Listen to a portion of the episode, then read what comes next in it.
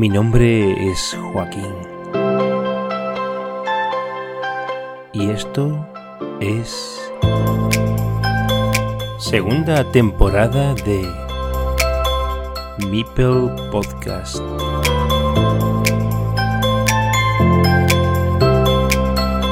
Welcome to Carcassonne.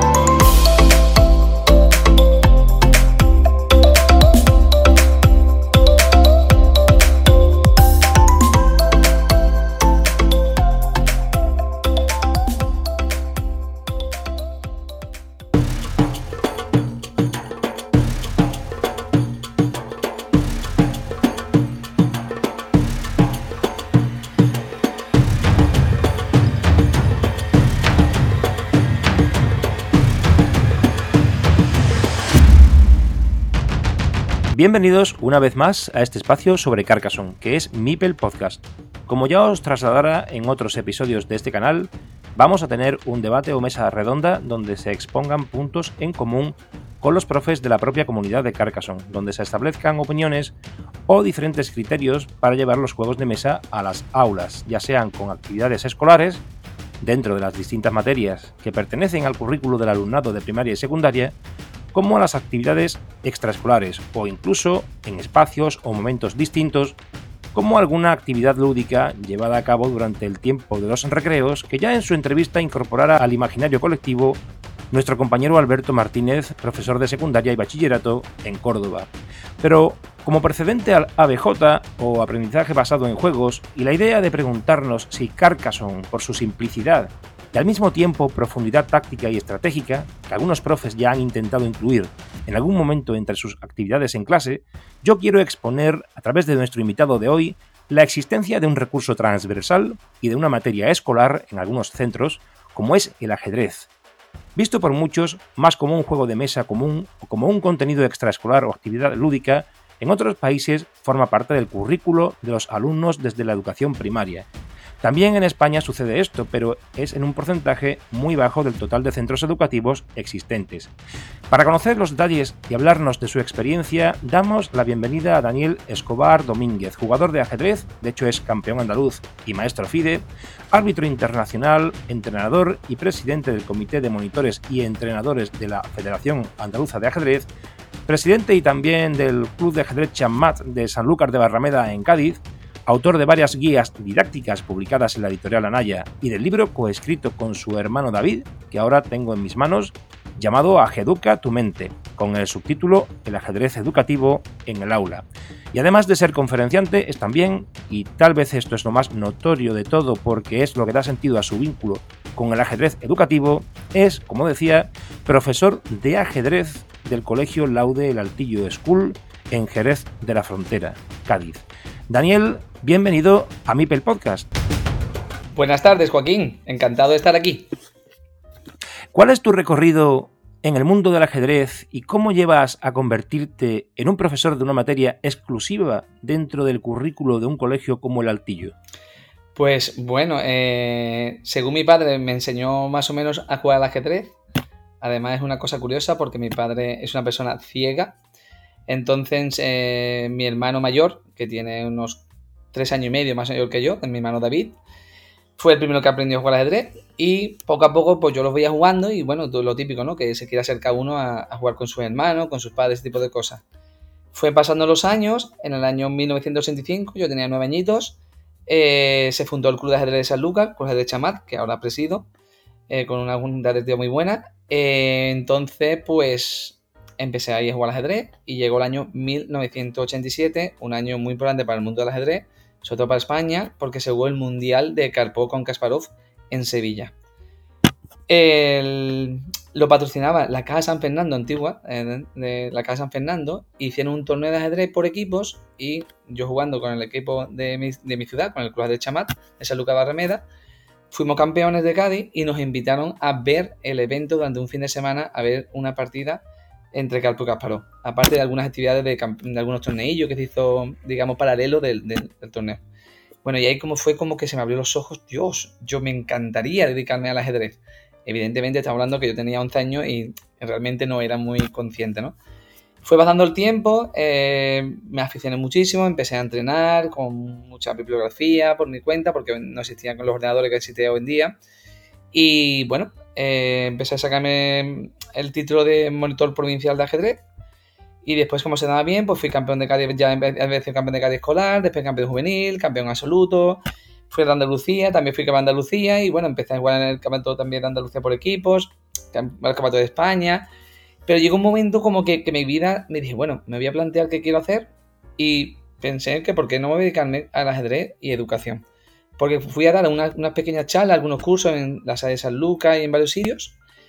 Y la verdad que cada vez que yo en el club, pues como que cada vez me gustaba más dar clase y ver cómo los niños aprendían conmigo, porque era como todos los que sabíamos, estábamos en el equipo, digamos, grande del, del club de chama, pues ayudamos a los pequeños, a las escuelas, a aprender. Poco a poco fui organizando la escuela, me dejaron a cargo de todas las escuelas y empecé a dar clase ahí. Pero yo siempre tenía el sueño de que el ajedrez se metiera en un colegio.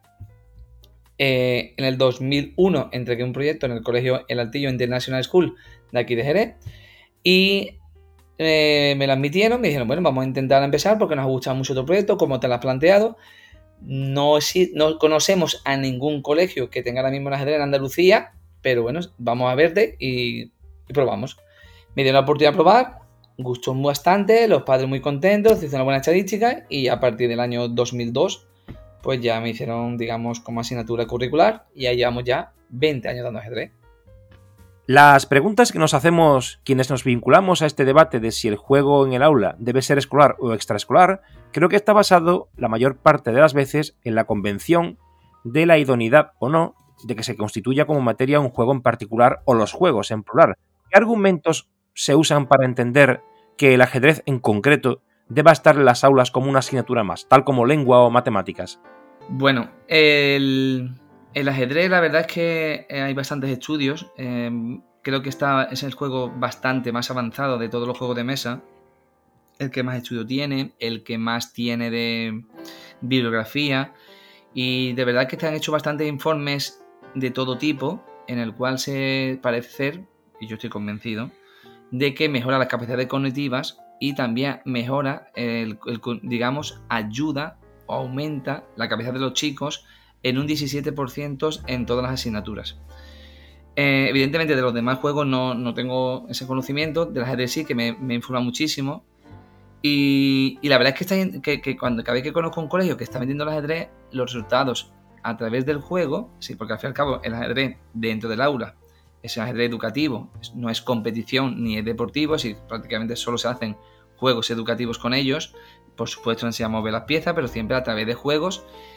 Eh, funciona muy bien, entonces como está mejorando y, digamos, lo quiero diferenciar del aprendizaje basado en juegos de la gamificación, porque son cosas diferentes, pero bueno, también se utilizan muchos juegos a través de que, de que los niños aprendan a, a, jugar, a jugar al ajedrez y sobre todo tenemos a través de Ajeduca, que es el proyecto que utilizo con mi hermano, es ajedrez educación, tenemos un montón de material también interdisciplinar entre ajedrez y otras asignaturas. Entonces no sé en qué, en qué estáis vosotros ahora mismo, eh, si podéis conseguir, y estoy convencido que sí, porque todo lo que sea juego que se lleve al aula, sinceramente yo lo creo que funciona muy bien. En realidad va muy bien y estoy convencido de que otro juego también podría entrar en el aula. Eh, mira, el elemento diferenciador del ajedrez respecto de otras asignaturas, o el vínculo de apego hacia los alumnos, digamos, es que el ajedrez es un juego, no es una materia escolar tradicional. En esta línea, la metodología que se utilice en las clases de ajedrez debe ser interpretada como un, con un trasfondo didáctico educativo. ¿Cómo se lleva a cabo esa tarea?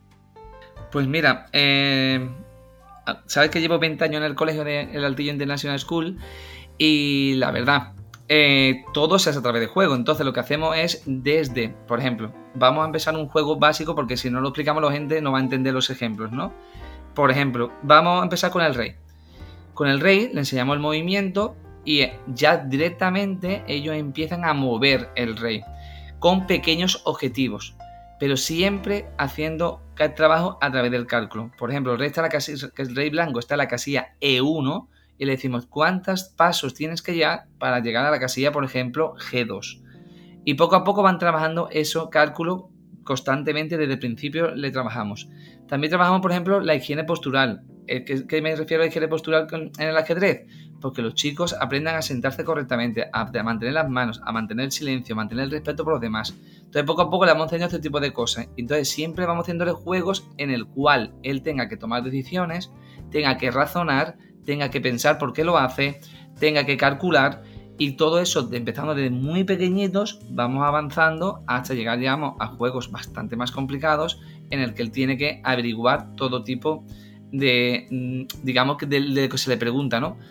Por ejemplo, también con los valores de las piezas, en el ajedrez se da unos valores a cada pieza. Por ejemplo, a la dama le damos el valor 9, a la torre el valor 5, dependiendo de su movilidad, pues tiene unos valores. También empezamos a jugar intercambio de piezas, cómo se llega al número 15, cómo se llega al número 21, ese tipo de cosas que va funcionando muy bien, son juegos, pero que los chicos lo van asimilando y vamos mejorando su capacidad cognitiva para que en el futuro les sirva para todas las asignaturas. Y bueno, si alguien quiere jugar bien al ajedrez, bueno, pues que pasó a los clubes de ajedrez y se anima. De hecho, que mi dentro de mi propio colegio también un club de ajedrez, ¿no? Entonces, lo tenemos todo relacionado. Pero en las clases, lo importante son los juegos educativos que hacemos con ellos a través del ajedrez, como lo algunos que hemos explicado ahora mismo. Bueno, aunque pueda ser evidente y al hilo de lo que has comentado, juego educativo versus juego competitivo. ¿Cuál es la diferencia de apuntarse a un club de ajedrez y de dar clases de ajedrez en el cole?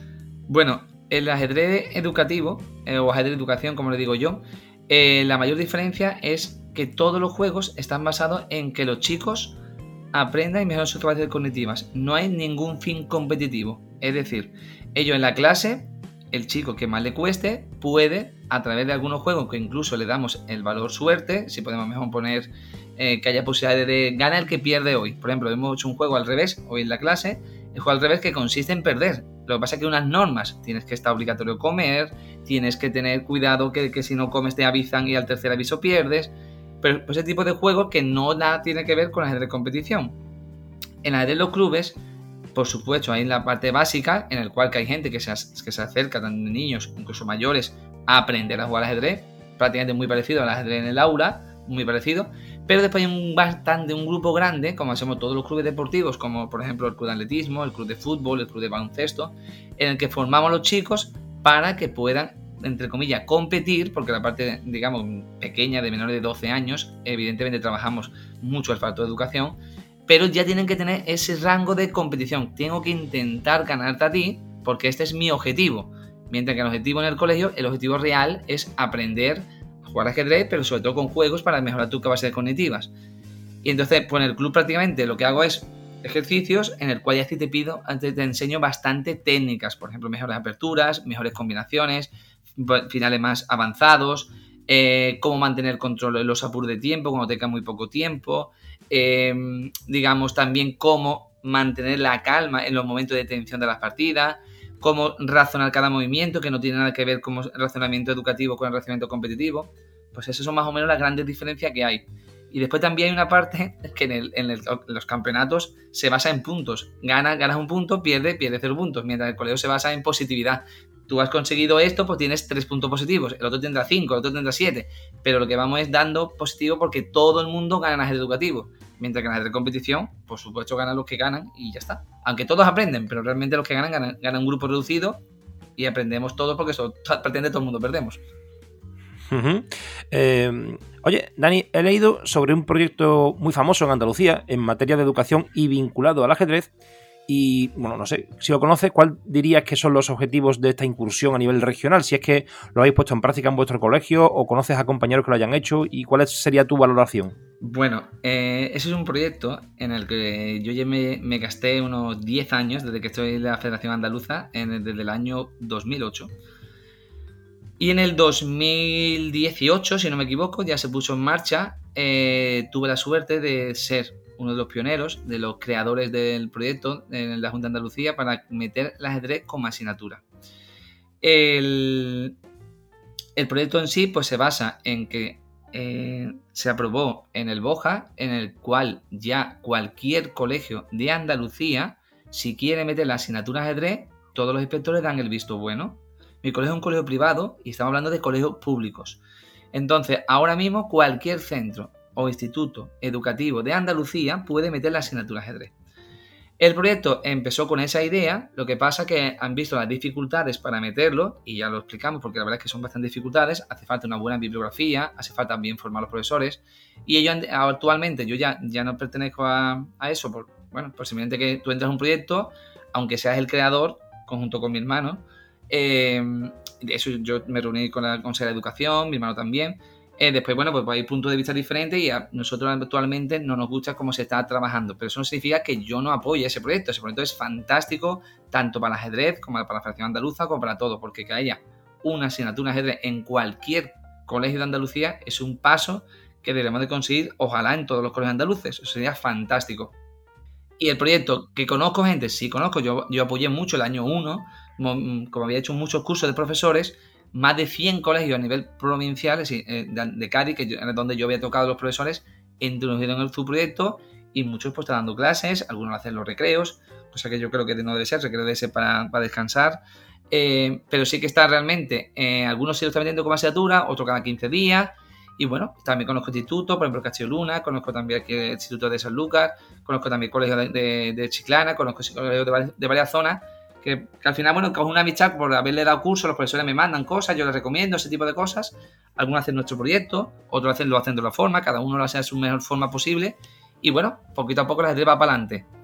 El proyecto no te lo puedo valorar porque no estoy dentro, entonces no sé exactamente, pero bueno, sé que todas las personas que tienen ajedrez dentro de los colegios están muy contentos. Eh, bueno, y me voy a meter en un segmento, mm, verá, te voy a hacer una pregunta larga o varias en el mismo segmento que al hilo de esto, que es ¿qué, qué problemática ves para que se asiente una estructura, digamos, educativa en la que se contemple el ajedrez a nivel nacional? La voluntad política, la centralización de las competencias en educación, porque claro, la descentralización actual determina diferentes espectros educativos o curriculares en cada ubicación del Estado. Hay lugares donde se fomenta de raíz y hay otros donde depende del propio equipo educativo del centro, por ejemplo. Bueno, la mayor problemática actual la acabas de decir tú. Es decir, es... Eh, vamos a ver. El mayor problema es que en España es un, eh, la, educación está, digamos, transferidas a las comunidades autónomas.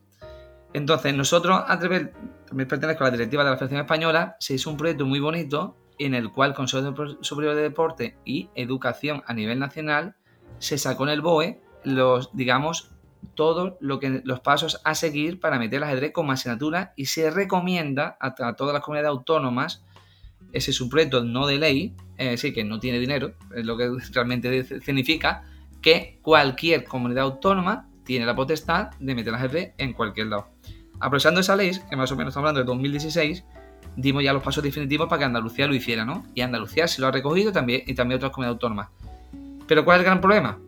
Que no hay formación para los profesores, no hay una metodología didáctica correcta y, y, después depende muchísimo de, digamos, de los centros educativos, es decir, la dirección y en este caso también la asociación de padres y madres. Entonces, a pesar de que en Andalucía hay visto bueno la Asociación de Madres y Padres, que por cierto Codapa nos dio un premio al mejor proyecto innovador del año 2020, eh, a, la Educa de Educación, porque lo vieron espectacular, estaba todo adaptado a los colegios, no se hace porque los profesores suelen tener miedo, consideran que es difícil, eh, dónde lo que quito para poner ajedrez, eh, y a veces es difícil en el currículum hacerlo todo lo más correcto posible cuando realmente creo que hemos demostrado ya claramente que ya se puede meter nuestra metodología, por ejemplo, digo nuestra metodología porque la que yo más conozco, evidentemente, ¿eh? que siempre digo que cualquier metodología yo estoy de acuerdo, lo que pasa es que yo defiendo lógicamente mi proyecto Educa con mi hermano David Escobar. Eh, creo que es una metodología que empezamos desde cero, desde tres añitos, y va muy progresivos. ¿Por qué? Porque nosotros ya no es un proyecto, es una realidad. Llevamos 20 años trabajando con los chicos, hemos cambiado muchísimos juegos, hemos mejorado los juegos y sinceramente le hemos dicho a los políticos, le hemos dicho a los directores, hemos dado conferencias por un montón de sitios y el que no quiere escuchar está dando pasito poco a poco, va aumentando, aunque no al ritmo que nos hubiera gustado a nosotros, porque realmente, sinceramente, creo que puede ser exponencial y poder meterse el ajedrez, y repito, como tú los proyectos que tú estás diciendo con juegos, son cosas que necesitan los chicos dentro del aula porque no puede estar todos los días matemáticas, lengua, inglés. Es que es muy difícil. El chico no puede mantener tanta concentración tanto tiempo, sobre todo los cursos más pequeños, lógicamente. Eh, vamos a seguir con este tema, pero te voy a hacer un impasse. Aquí te hago otra pregunta y ahora volvemos a otra pregunta que te quería hacer al respecto de esto que hemos hablado. El recurso del ajedrez comparte fundamentos, entiendo, tanto en primaria como en secundaria, pero me he encontrado opiniones divergentes en cuanto que en los primeros años de la etapa obligatoria es muy recomendable su inclusión en las aulas. Y esta vinculación a esa necesidad va desvaneciéndose a medida que los niños cumplen años. ¿Tú, ¿Tú cuál es tu opinión en este caso? Bueno, mi opinión es que no es cierto, la verdad, porque yo de clase desde primero de primaria hasta tercero de secundaria. La diferencia es que los chicos cambian de mentalidad. Es decir, un niño de primero primaria no tiene nada que ver con un niño de primero secundaria. Simplemente que hay que adaptar el nivel de los juegos o de los ejercicios a la edad que tienen los chicos.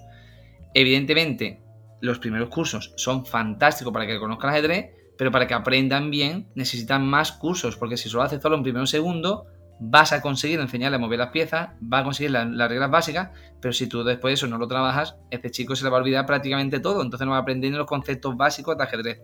No va a saber lo que es jaque, no va a saber lo que es que mate, ese tipo de cosas. Y a mí personalmente, bueno, mi hermano y mucha gente que conozco, que gracias a Dios el ajedrez cada vez más, que me están haciéndolo en los colegios o en secundaria, me está diciendo que el feedback es bastante bueno.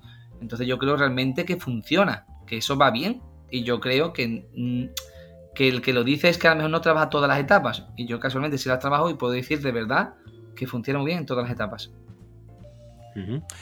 He leído que algunos de los objetivos del ajedrez en el aula es el juego cooperativo y siendo el ajedrez un juego de, ejercicio mental individual, ¿cómo puede extraerse metodologías cooperativas que favorezcan el desarrollo de la colaboración entre alumnos?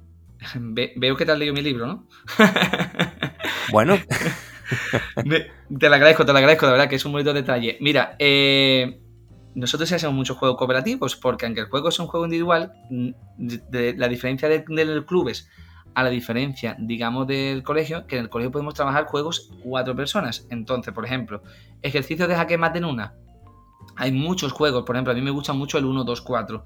¿Vale? El 1, 2, 4 significa que le ponemos una hoja de ejercicio, por ejemplo, con cuatro ejercicios, puede ser la pantalla o puede ser un papel, ¿vale? Le ponemos cuatro ejercicios. Entonces, siempre los grupos son heterogéneos, es decir, que habrá alguien que destaque y habrá gente que le cueste un poquito más de trabajo. Entonces, hasta que no resuelvan el primero, no pueden pasar al segundo. Entonces lo van haciendo de, la forma por grupos. Cada uno hace primero un ejercicio, después por parejas hacen dos ejercicios cada uno en el cual uno le explica al otro el ejercicio y después los cuatro se ponen en común para explicarse los cuatro ejercicios. Y entonces los juegos cooperativos ayudan mucho a nosotros, a los profesores de ajedrez y creo que a todas las asignaturas, a todos los juegos, a que el aprendizaje entre iguales es mucho mejor que el aprendizaje del profesor hacia los alumnos. Aunque parezca mentira, nosotros muchos los profesores tenemos nuestro ego, que qué bien he dado la clase y a lo mejor los niños no se han enterado de nada. Entonces, por eso, en nuestro colegio tenemos una, metodología que se llama Learning, en el cual evidentemente trabajamos mucho los juegos cooperativos y para confirmar que los chicos aprenden a jugar, a jugar correctamente y han entendido todo lo que hacemos en la clase. Y repito, el juego cooperativo es una de las cosas fundamentales en todas las clases para que los niños aprendan entre iguales. Eh, esto es una curiosidad ya que hay mucha gente que no sabe o no entendía. Bueno, habrá gente ahora en Carcassonne que, bueno, eso no lo, dude, ¿no? Que se puede jugar por equipo a las ajedrez. Y dirán, bueno, como por equipo, ¿cómo se juega si son partidas individuales? Bueno, es el sumatorio de partidas individuales lo que forma el, equipo, ¿no? Y es como si fueran los goles, ¿no? O sea, cada partida ganada, pues es como si fuera un gol. Pero hay un juego al que yo he jugado mucho de, bueno, cuando era más jovencillo, que yo supongo que también supone algo de cooperatividad y no deja de ser un juego individual, que en este caso es el pasapiezas. Pues sí, es uno de los juegos que se utiliza que se utiliza desde más cooperativo que eso es imposible, ¿no? Es un juego en el cual cambiamos piezas del tablero de al lado y te la paso a mi compañero que tiene el color contrario y la va metiendo en el juego como una jugada más. En vez de una jugada, mete una pieza. Es uno de los juegos cooperativos. Otro de los juegos cooperativos también que se puede hacer es tú y yo mismo, por ejemplo, jugando contra otra pareja. Tú haces una jugada y yo otra. Hay campeonatos de eso, de ajedrez. El último lo, vi en Gibraltar. De hecho, era obligatorio un chico y una chica. Era obligatorio en Gibraltar. Que también es un juego mm, cooperativo, pero súper complicado, porque tú piensas una cosa y yo pienso otra. Mientras que el juego de pasapiezas, cada uno tiene su tablero y tú me pasas tus propias piezas. Es súper divertido, sí. Bueno, la gente de la audiencia del podcast me conoce de Carcassonne y saben que vengo del ajedrez, pero aquí la gente sabrá, eh, habrá entendido que el ajedrez se parece también a Carcassonne o Carcassonne al ajedrez, porque esto también existe en Carcassonne y bueno, yo creo que lo que pasa es que Carcassonne es un juego mucho más nuevo y el ajedrez le saca muchísima ventaja a cualquier juego que se ponga por delante. Entonces, claro, aquí hay una pequeña ventaja. Te quería preguntar eh, que el ajedrez precisamente es otro juego más, visto de una manera simplista, pero sin restarle la importancia que tiene, hay que decir que el conjunto de una serie de juegos educativos con potencial para hacer crecer y desarrollar diferentes habilidades de los alumnos es más que evidente. ¿Cuál es tu opinión respecto de la BJ o aprendizaje basado en juegos? Yo estoy, totalmente de acuerdo del aprendizaje basado en juegos, totalmente. Eh, por supuesto, doy, la asignatura ajedrez y por supuesto defiendo el juego del ajedrez, porque aunque tú también lo has comentado muy bien, el ajedrez no llega. Sí, es un juego de mesa lo que pasa es que realmente después yo lo llamo considero deporte, también lo considero ciencia y mucha gente lo considera arte, ¿vale? Entonces todo es como que engloba todo. Pero el aprendizaje basado en juego es algo fundamental, sobre todo en primaria, porque los chicos tienen que jugar. Eh, es, que, es que los juegos de mesa te ayuda a razonar, te ayudan a calcular, te ayuda a estrategia. El juego Carcassonne es un juego de... Vamos, que a ver si me corriges tú, ¿vale? Es un juego, digamos, eh, digamos, como una especie de puzzle en el cual tenemos que ir poniendo el máximo número de puntos con las mejores posiciones, por ejemplo, cogiendo ciudades, pradera, camino, ¿no? Por ese tipo de cosas, ¿no? Y al final estás trabajando con los chicos para que razonen, que al fin y al cabo es una de las cosas fundamentales del colegio, no, no aprendizaje de memoria. Tú no puedes aprender la matemática de memoria, tú no puedes escribir de memoria, ¿no? Tienes que buscar recursos para que los chicos aprendan. Y a mí me encanta el aprendizaje basado en juegos porque creo que puede estar perfectamente en cualquier colegio. Perfectamente. Bueno, le voy a poner un, apellido al, ajedrez. ¿En qué consiste este, entre comillas, monopolio del ajedrez como intento de introducirlo en el currículo educativo? Porque, ¿Por qué no luchar por incluir el ABJ, que es un espectro más amplio que no exclusivamente el ajedrez? Yo lucharía por los dos. Es decir, que el ajedrez fuera una asignatura y que además hubiera otra en ajedrez, en juegos, todo tipo de juegos, es decir, el aprendizaje basado en juegos. ¿Por qué? Porque el ajedrez creo que lleva bastante tiempo y hay bastantes estudios y creo que vamos por delante de todos los demás juegos de mesa. No, no creo que tenga que hacer una competencia entre el ajedrez y el, digamos, el aprendizaje basado en un juego, en ABJ, ¿no? Yo creo que debe ser las dos cosas. Caben perfectamente en cualquier currículum de aquel colegio que quiera apostar, sin ningún problema. Porque funciona muy bien. Funciona perfectamente. Funciona perfectamente. Entonces yo creo que las dos cosas pueden entrar perfectamente en un colegio. Porque, por ejemplo, son compatibles. Puede ser una asignatura más en, el colegio, ¿por qué no? ¿Por qué no? O una extraescolar muy buena, ¿y por qué no? Pero yo creo que las cosas siempre digo lo mismo. La extraescolar puede hacer mil cosas, pero yo creo que debe estar las cosas en el aula. Y la BJ creo que debe estar en el aula. Vamos a datos concretos de tu experiencia como docente y como creador de metodología didáctica de ajedrez. Eh, hablemos, en primer lugar, por ejemplo, de tu balance tras 20 años, nada más y nada menos, como profesor de Altillo School. Eh, bueno, mi balance creo que es fantástico, la verdad. Yo creo que se ha demostrado que el ajedrez como asignatura eh, funciona muy bien. Eh, los chicos lo veo que es una asignatura que les gusta, suelen venir con bastante alegría a la clase. Es cierto que para mí es muy cansada porque siempre hago una clase muy didáctica, muy divertida para ellos, para, para intentar que ellos aprendan y se lo pasen genial. Eh, y yo creo que el balance desde hace 20 años ahora prácticamente es que yo creo que las clases están muy estructuradas, aprenden bien, se divierten, mejoran la capacidad cognitiva, eh, los resultados educativos son muy buenos. Eh, aparte, tener en cuenta que es un colegio privado que es de mucha exigencia, en el cual se hace un análisis cada año, y la verdad es que no puedo decir que, en mi opinión, que es fantástica para mí la experiencia, y creo que para los chicos lo están pasando muy, muy bien. Eh, eres de los pocos profesores que puedes continuar mm, la, senda un poco de cada niño, que lo ves en tercero y lo, y lo sueltas en tercero de la ESO y lo, has visto su recorrido y a lo mejor al respecto de otras asignaturas no, pero respecto del ajedrez has podido llevar, eh, bueno, pues un hilo conductor. ¿Cómo, cómo visualizas así ese, ese niño que tú coges eh, de principio y lo sueltas al final antes de que se marche ya al instituto? ¿Cómo, ¿Cómo ves esa progresión? Bueno, lo cojo en primero de primaria y lo suelto en tercero secundaria. Sí, estoy con ello nueve cursos. La verdad es que, la verdad es que no. Mira, que no es una cosa que yo había planeado, pero sí es cierto que cuando ellos están en segundo secundaria, en tercero secundaria, les saco los, algunas pequeñas actividades o notas que he tomado de ellos y ellos alucinan, alucinan. pero así jugaba yo, incluso a veces tenemos gráficos, incluso vídeos de ellos jugando al ajedrez de pequeños y de mayores. Dice que han alucinado, algunos te prometo, una chica hace, el año pasado, en mayo por ahí, enseñó un vídeo de ella jugando con 6 años y se le saltó hasta las lágrimas. Pero qué, pequeñita era yo, qué mal jugaba al ajedrez. Y la verdad es que una, una vez que tú lo vas viendo, cómo van creciendo, cómo van madurando, porque con 15 años ya están todos chicos y chicas son súper maduros, y de, tener pequeñines que te preguntaban para todo, para, que todo, para ver, vas viendo cómo van mejorando en el ajedrez y en la vida, y tú ya lo ves que prácticamente ya son, bueno, humanos, digamos, adultos, ¿no? Por decir una forma, prácticamente, porque con 15 años en día ya prácticamente los niños y niñas son adultos, ¿no? Y la verdad es que para mí es un orgullo, la verdad, verlos cómo van progresando en su vida y cómo yo le puedo enseñar ajedrez y también algo para, de su formación. Debe de ser un gustazo y la verdad que una gran, grata experiencia para un profesor, la verdad. Después me pasa lo, siguiente que me ha pasado ya, que tengo hijos de alumnos. Que, pues ya llevo tanto tiempo, que parece mentira, pero sí, ya tengo, claro, eh, a los que di en secundaria cuando yo empecé, claro, ya tienen hoy en día, pues así tienen 13, 14, 15 años, tienen más de 30 años. Y algunos ya tienen hijos en 6 y 7 años. Y, yo, y entonces les dando clases a sus propios hijos. Y me dicen, sí, sí, también era profesor de ajedrez mío. Y claro, te queda tú como, ¿esto qué es? Un shock, ¿no? Aquí. Y bueno, la verdad es que para mí, no sé, eh, es que me encanta mi trabajo, la verdad, se nota que me gusta, pero que eh, algo increíble para mí, la poder ayudar en la formación de la persona y a través del ajedrez, que es una cosa que, funciona muy bien. Repito que también el ABJ eh, va a funcionar el día que, que esté. creo que es algo precioso y que podamos trabajarlo, para mí es un orgullo.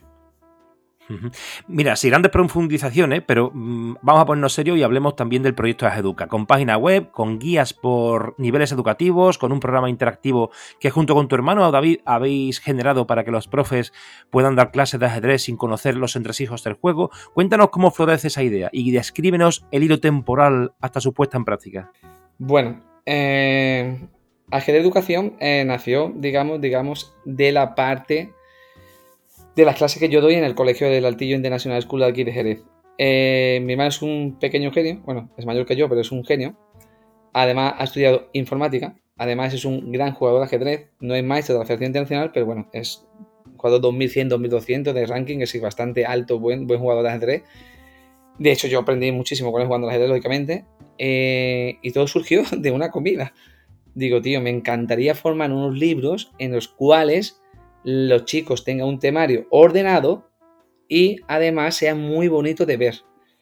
Entonces empezamos haciendo unos vídeos en YouTube y a la misma vez los cuadernos.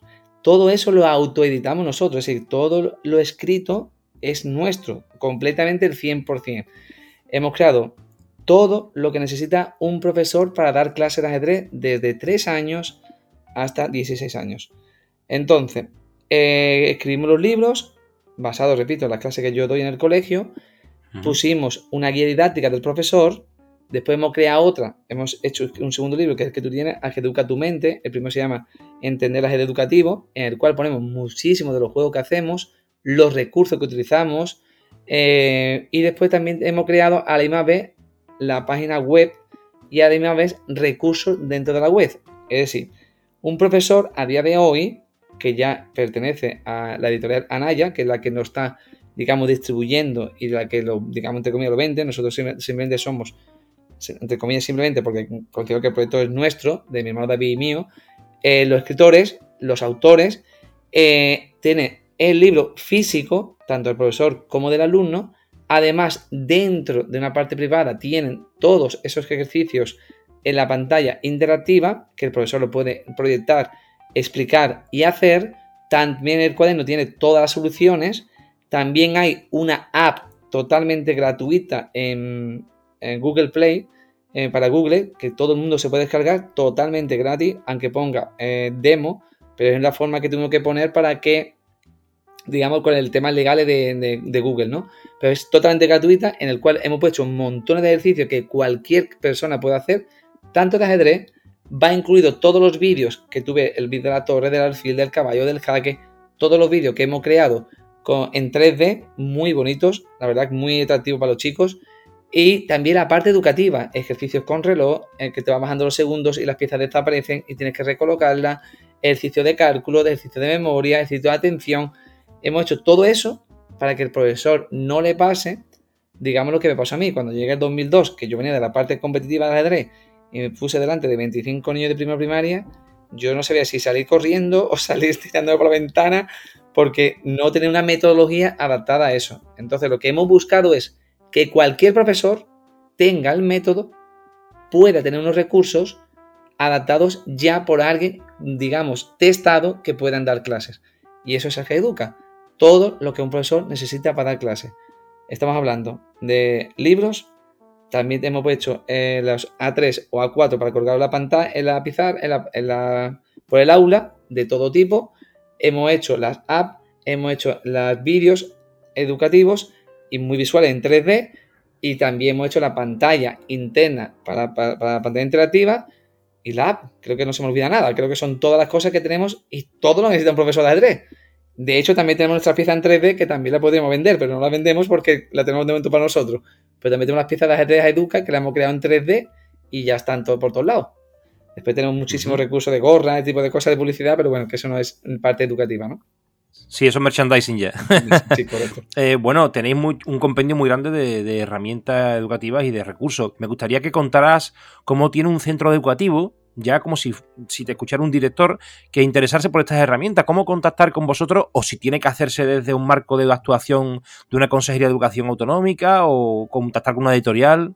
Bueno, algunos colegios, algunos colegios, directores o profesores se han puesto en contacto con nosotros directamente y nosotros, mm, digamos, se lo pasamos, le emplazamos toda la información, pero realmente el que tiene el material es la editorial Anaya, una de las mejores editoriales de España, que ha apostado por un proyecto de ajedrez. La verdad es que nosotros estamos súper contentos de estar con ellos. Ellos dicen que están en el Real Madrid de, de, las editoriales y nosotros estamos muy contentos de estar en el Real Madrid de la educación. Y la verdad es que tiene unos recursos ilimitados prácticamente, una cosa brutal.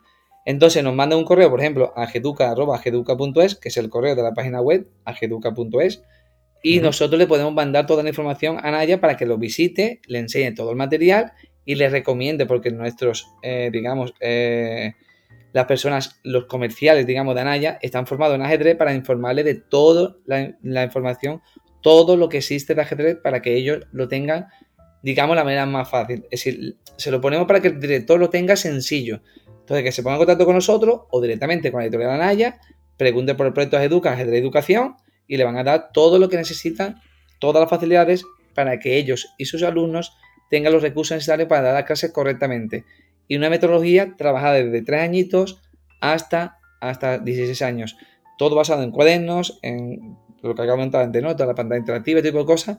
Pero sobre todo, un temario que el profesor no le pase como me pasó a mí, yo tuve que ir creando los temarios semanalmente, mensualmente, qué objetivo consigo con esto, al unirlo con las competencias clave, por qué este ejercicio sí, por qué este ejercicio no.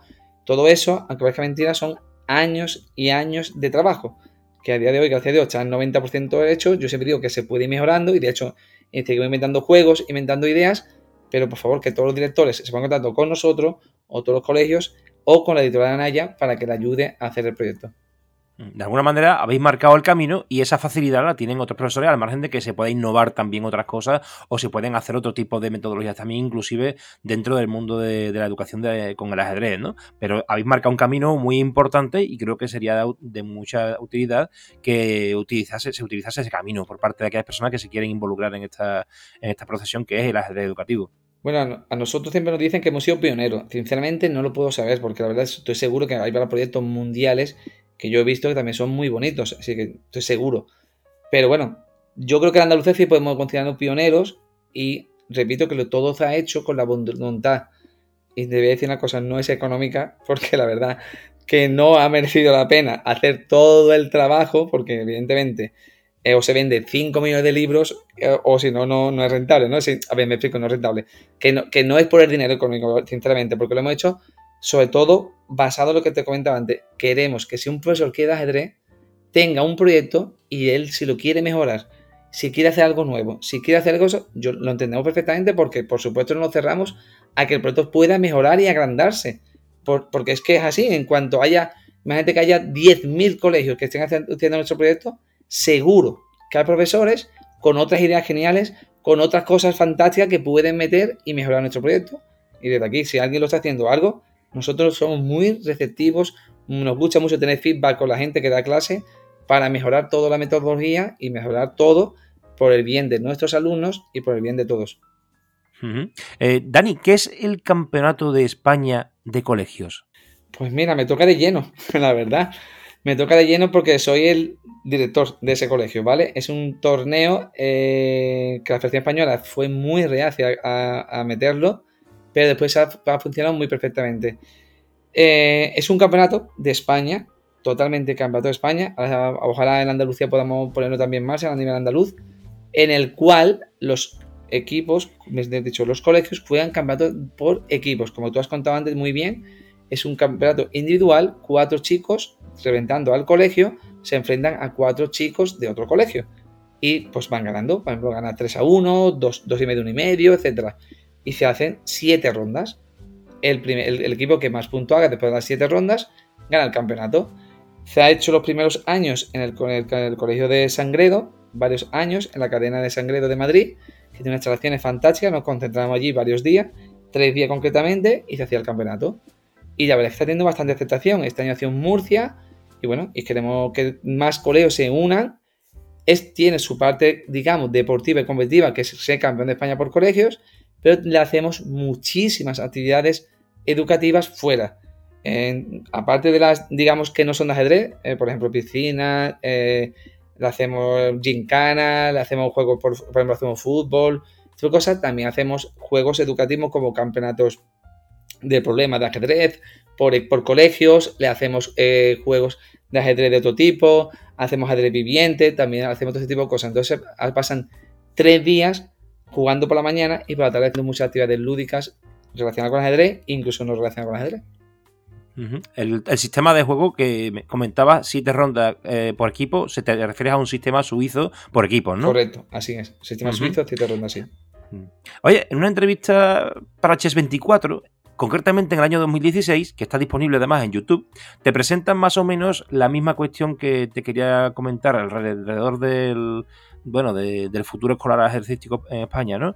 Y responde tajantemente que en cinco años el ajedrez va a estar en la escuela a nivel nacional. De hecho, insistes en esa entrevista en que no das más de cinco años para que esto suceda. ¿Qué ha pasado para que continúe estancada su puesta en práctica a nivel estatal? Como lo que has comentado, al hilo de lo que veníamos hablando antes. Bueno, eh, esta, entrevista la hice con un buen amigo, David Martínez Divis, de H24, en el cual, bueno, estábamos bastante, por decir una forma, muy entre amigos, ¿no? De decir, venga, va. En cinco años el ajedrez está en todos los colegios, vamos a ser optimistas.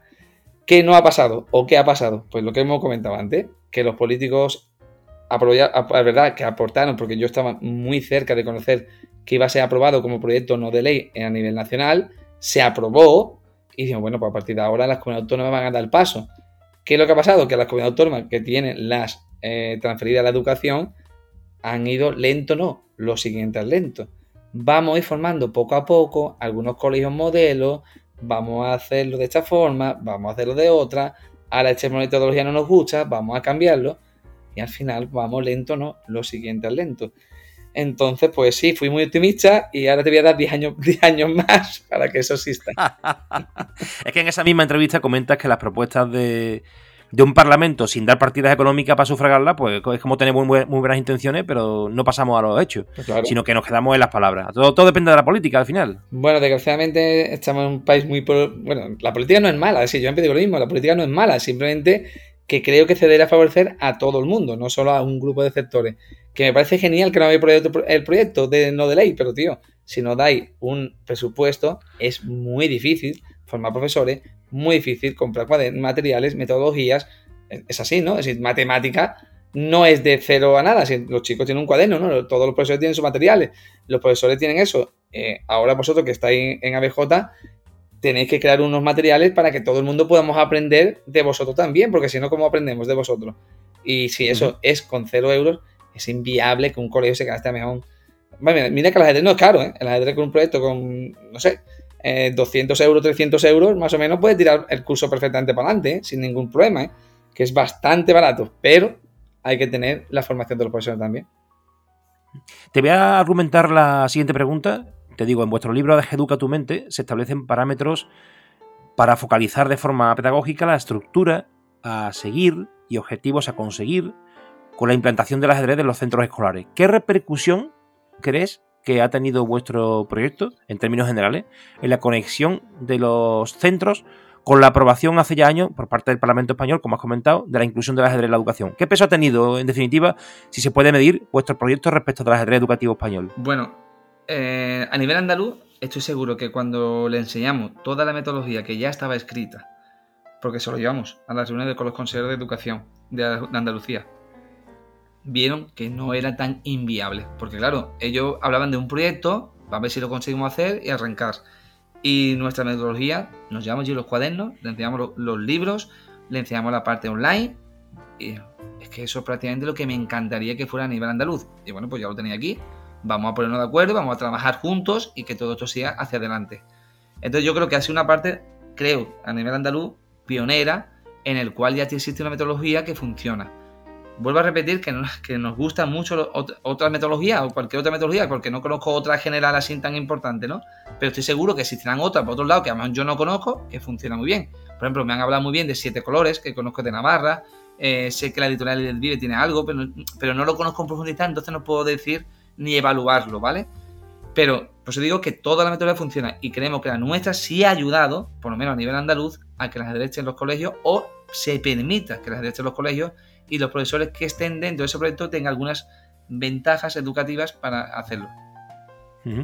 Eh, nos vamos despidiendo, pero me gustaría que contases a los oyentes la estructura de vuestro club Chamat de Saluca de Barrameda en Cádiz, cómo funciona, cuáles son sus bases, en fin. Bueno, pues es un club deportivo que nació en el año 1965, eh, desde el 98 soy presidente, tenemos una junta directiva, tenemos unos 100 socios, eh, más, o menos 50% escolares y 50% adultos, hacemos muchas actividades semanales. Ahora hemos empezado un turno los miércoles para los adultos, el jueves las clases para los chicos, los viernes hacemos otras actividades, vamos a campeonatos juntos. Pero para mí, para mí lo mejor de mi club, y supongo que todos los clubes, es el aspecto social y digamos de amistad que tengo. Muchos son amigos míos desde que empecé, en el 86, 87 que empecé yo en el club de ajedrez. Entonces, pues bueno, para mí es un grupo de amigos que nos gusta competir, nos gusta divertirnos, tomarnos algo juntos, quedar para comer y siempre digamos, el foco es el ajedrez. Es decir, cualquier persona que nos escuche que quiera animarse a estar por San Lucas o algo que nos quiera visitar, tenemos una sede bastante buena en el cual tenemos tablero, pantalla interactiva, podemos jugar, leer libros, lo que queráis. Allí estamos con las puertas abiertas y eso, es un club deportivo que compite a nivel andaluz, nacional, eh, por, supuesto provincial, con escuelas, con clase para adultos, clase para niños y, eso, en la parte social también para nosotros muy importante también. Y si alguien lo visita, ¿dónde tiene que dirigirse exactamente, físicamente? O... Bueno, pues ahora mismo estamos en San Lucas Barrameda, en el estadio El Picacho. Es una instalación deportiva de fútbol y atletismo. Y arriba las instalaciones, en unas, digamos, las oficinas, pues arriba hay todo una especie de ventanal, unos 60, 70 metros cuadrados, la verdad es que bastante grande, en el cual estamos el Club de Ajedrez. Estadio El Picacho, allí estamos. Y si no, porque me mande un correo a mí, a nuestro correo muy fácil, ajedrezchamat arroba gmail.com y ya está. Y te pondremos en contacto con todos ellos.